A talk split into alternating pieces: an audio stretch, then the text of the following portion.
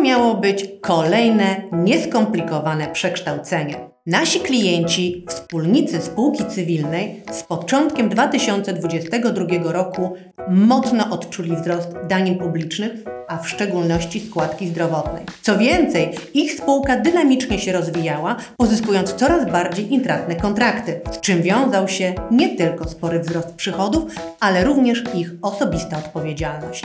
Zdecydowali się zatem na zmianę formy prowadzonej działalności gospodarczej. Po konsultacji prawno-podatkowej w naszej kancelarii ich wybór padł na spółkę z ograniczoną odpowiedzialnością. I i na tym kończy się prostota zaplanowanego procesu. Chcesz wiedzieć, co wydarzyło się w trakcie procesu przekształcenia i dlaczego okazało się, że skuteczny adwokat ratuje nie tylko transakcje, ale również związki międzyludzkie? Zapraszam Cię do wysłuchania dzisiejszego odcinka. To zależy. Proste odpowiedzi na złożone pytania w biznesie. Nazywam się Milana Krzemień, jestem adwokatem i od 15 lat wspieram klientów często w skomplikowanych i złożonych procesach przekształcenia ich przedsiębiorstw w docelową formę spółek. W przypadku przekształcenia przedsiębiorstwa rodzinnego rola prawnika nie ogranicza się wyłącznie do dobrej znajomości kodeksu spółek handlowych. Ważne są również doskonała koordynacja poszczególnych etapów czynności oraz Umiejętność szybkiego i elastycznego podejścia do wyzwań, które mogą się w międzyczasie pojawić, a o których często decyduje nie czynnik finansowy, ale emocjonalny. A teraz, zanim zaczniemy, zasubskrybuj mój kanał klikając dzwoneczek poniżej. Dziękuję. Czy warto wykonać przekształcenie spółki cywilnej w spółkę z ograniczoną odpowiedzialnością?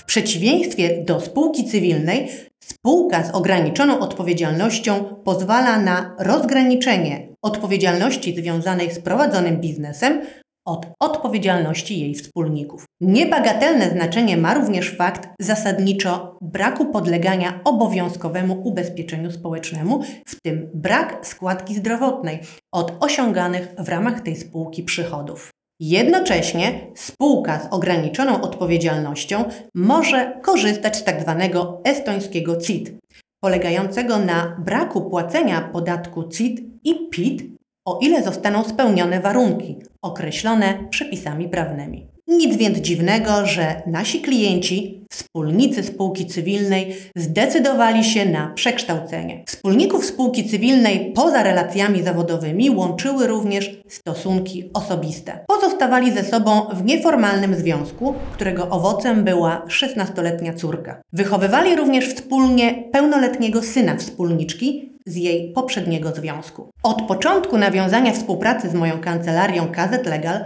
było oczywistym, że spółka z OO powstała w wyniku przekształcenia spółki cywilnej ma wciąż pozostać spółką rodzinną i kompleksowo regulować relacje pomiędzy wspólnikami poprzez zapewnienie jednoosobowej reprezentacji spółki każdemu z udziałowców, ograniczenie możliwości zmiany składu osobowego udziałowców poprzez ustanowienie prawa pierwszeństwa nabycia udziałów oraz wskazanie sukcesora na wypadek śmierci któregokolwiek z nich. Przekształcenie spółki i prace z nią związane przebiegały sprawnie. Naszym zadaniem było nie tylko przygotowanie niezbędnych dokumentów, jak na przykład plan przekształcenia, czy umowa przyszłej spółki z ograniczoną odpowiedzialnością, ale również koordynacja czynności z biurem rachunkowym oraz kancelarią notarialną. Proces miał przebiegać w tzw. Tak trybie uproszczonym, a zatem szybko, aby w jak najkrótszym czasie skorzystać z udogodnień nowej formy spółki. Zmiana warunków podziałów udziału w spółce,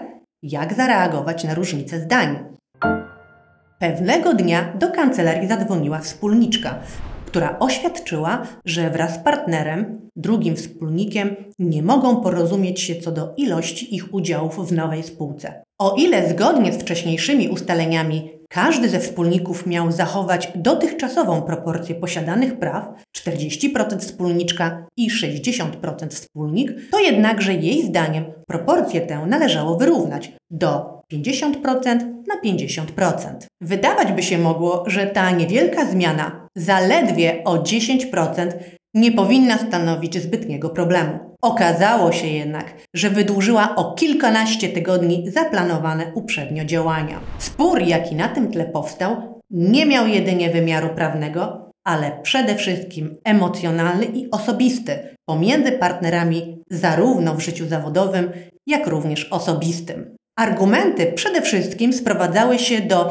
stopnia zaangażowania w rozwój przedsiębiorstwa versus czasu przeznaczonego na prowadzenie wspólnie domu oraz opiekę nad dziećmi. Przy zachowaniu standardów etyki zawodowej i prezentując neutralną postawę, starałam się wspomóc klientów w koncyliacyjnym rozwiązaniu impasu. Po odbyciu kilku rozmów z każdym ze wspólników oddzielnie, a następnie wspólnie, było jasnym, że dla zasady żadna ze stron nie jest skłonna do ustępstw na rzecz drugiej. Wówczas zaproponowałam nieszablonowe rozwiązanie, polegające na odstąpieniu przez wspólników części swoich udziałów na rzecz wspólnie wychowywanych dzieci. Wszak przyszłych sukcesorów ich przedsiębiorstwa. Rozwiązanie miało sprowadzać się do tego, aby również dzieci stały się wspólnikami powstałej w wyniku przekształcenia spółki z OO. Proporcja udziałowa miała wyglądać następująco. Wspólniczka 40%, wspólnik 40% i każde z dzieci po 10% udziałów. Pomysł ten spotkał się z pełną aprobatą. Należało go jedynie zrealizować, a to wymagało skrupulatnej oceny rozwiązań prawnych. Udziały w spółce z OO dla dzieci. Jak to wdrożyć w życie? Wyzwań z wdrożeniem propozycji było sporo, a oto najważniejsze z nich. Z jaką chwilą dzieci powinny nabyć prawa właścicielskie w spółce z OO, która miała powstać w wyniku przekształcenia spółki cywilnej? Co zrobić, aby dzieci nie ponosiły osobistej odpowiedzialności za zobowiązania spółki przekształcanej, czyli spółki cywilnej. W jaki sposób małoletnia córka miała stać się wspólnikiem w spółce z OO, aby dla tej czynności prawnej nie była potrzebna zgoda sądu rodzinnego.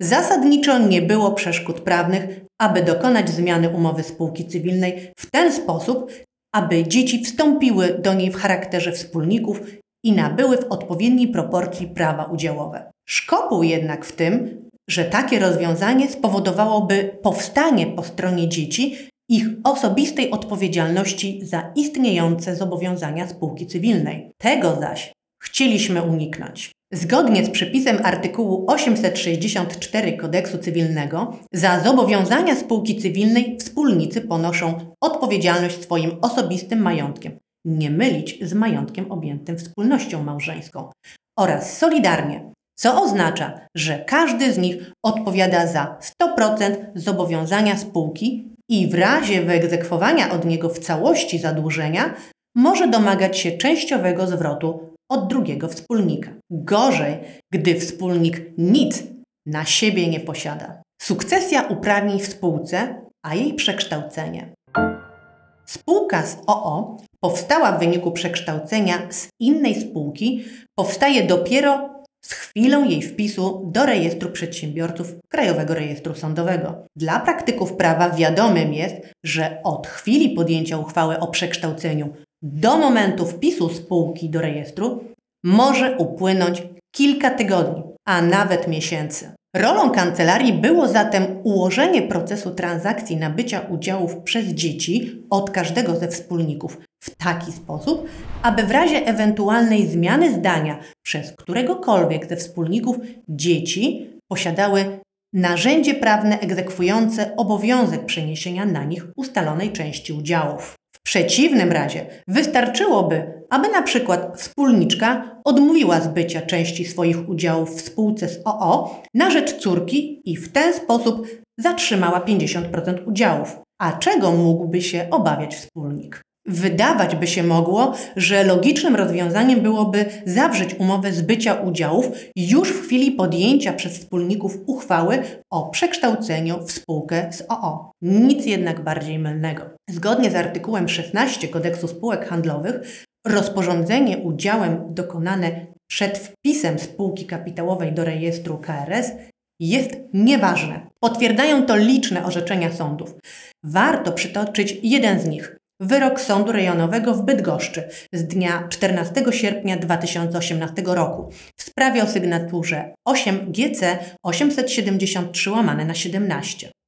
Oferta sprzedaży, która wprawdzie sama nie skutkuje zbyciem rzeczy lub prawa, niewątpliwie jest czynnością do tego prowadzącą. Identyfikuje ona cechy danej umowy, a więc również jej podwójny skutek w przypadku, gdy chodzi o umowę sprzedaży. Dla swej skuteczności, a więc ważności, z punktu widzenia regulacji artykułu 16 Kodeks spółek handlowych, oferta musiałaby zostać zatem złożona po zarejestrowaniu spółki z OO. W rezultacie czynność prawna, która ukonstytuowałaby się wskutek przyjęcia oferty złożonej przed tą datą, jak sama oferta, jest dotknięta nieważnością. W tej sytuacji jedyną możliwością było zawarcie umowy przedwstępnej sprzedaży udziałów wspólników na rzecz dzieci tego samego dnia, co podjęcie uchwały o przekształceniu spółki cywilnej w spółkę z OO. Na mocy umowy przedwstępnej zawartej w odpowiedniej formie możliwym jest egzekwowanie w niej w przyszłości uprawnień. Innymi słowy, doprowadzenie do skutecznego zbycia udziałów. Wyzwanie w przekształceniu. Udziały dla małoletniego dziecka. I tu dochodzimy do sedna złożoności tematu. Stroną jednej z transakcji była 16-letnia córka wspólników. Na podstawie artykułu 101 paragraf 3 Kodeksu Rodzinnego i Opiekuńczego rodzice nie mogą bez zezwolenia sądu rodzinnego dokonywać czynności przekraczających zakres zwykłego zarządu, ani wyrażać zgody na dokonywanie takich czynności przez dziecko. Z całą pewnością zawarcie przedwstępnej umowy sprzedaży udziałów stanowi czynność przekraczającą zwykły zarząd. Na taką zgodę sądu rodzinnego trochę się czeka. Kilka miesięcy. Zbyt długo z punktu widzenia transakcji przekształcenia spółki. Z pomocą przyszło rozwiązanie, które zapewniło realizację przyjętych założeń. Wraz z uchwałą o przekształceniu spółki cywilnej w spółkę z OO zostały zawarte dwie umowy przedwstępne sprzedaży części udziałów. Pierwsza pomiędzy wspólniczką a jej pełnoletnim synem oraz druga pomiędzy wspólnikiem i z tym samym przyrodnim dla wspólnika synem. Wraz z osiągnięciem pełnoletności córki, syn, a więc dla niej przyrodni brat, odsprzeda jej część udziałów. Oczywiście w takim przypadku istnieje ryzyko prawne, że nie dojdzie do transakcji pomiędzy przyrodnim rodzeństwem. Na to nikłe ryzyko wspólnicy jednak przystali. Krótko mówiąc, prowadząc transakcje reorganizacji spółek, w tym ich przekształceń, nie wystarcza jedynie znajomość przepisów kodeksu spółek handlowych. Wiedza w zakresie innych obszarów prawnych, jak w tym przypadku przepisów kodeksu rodzinno-opiekuńczego, jest niezbędna, aby kompleksowo doradzić klientowi najlepszą ścieżkę do osiągnięcia zamierzonego przez niego celu. Równie istotne jest wyczucie i umiejętność prowadzenia negocjacji aby każda z zainteresowanych stron miała poczucie, że jej racje zostały wysłuchane i uwzględnione w planowanych zamierzeniach prawnych. Dziękuję Ci serdecznie za uwagę i zapraszam na kolejny odcinek za tydzień. Podziel się komentarzem i napisz, o czym chcesz więcej posłuchać. A jeżeli chcesz się ze mną skontaktować, zapraszam na stronę www.kazetlegal.pl. To zależy proste odpowiedzi na złożone pytania w biznesie. Zasubskrybuj ten kanał i aby spersonalizować powiadomienia, kliknij dzwoneczek poniżej.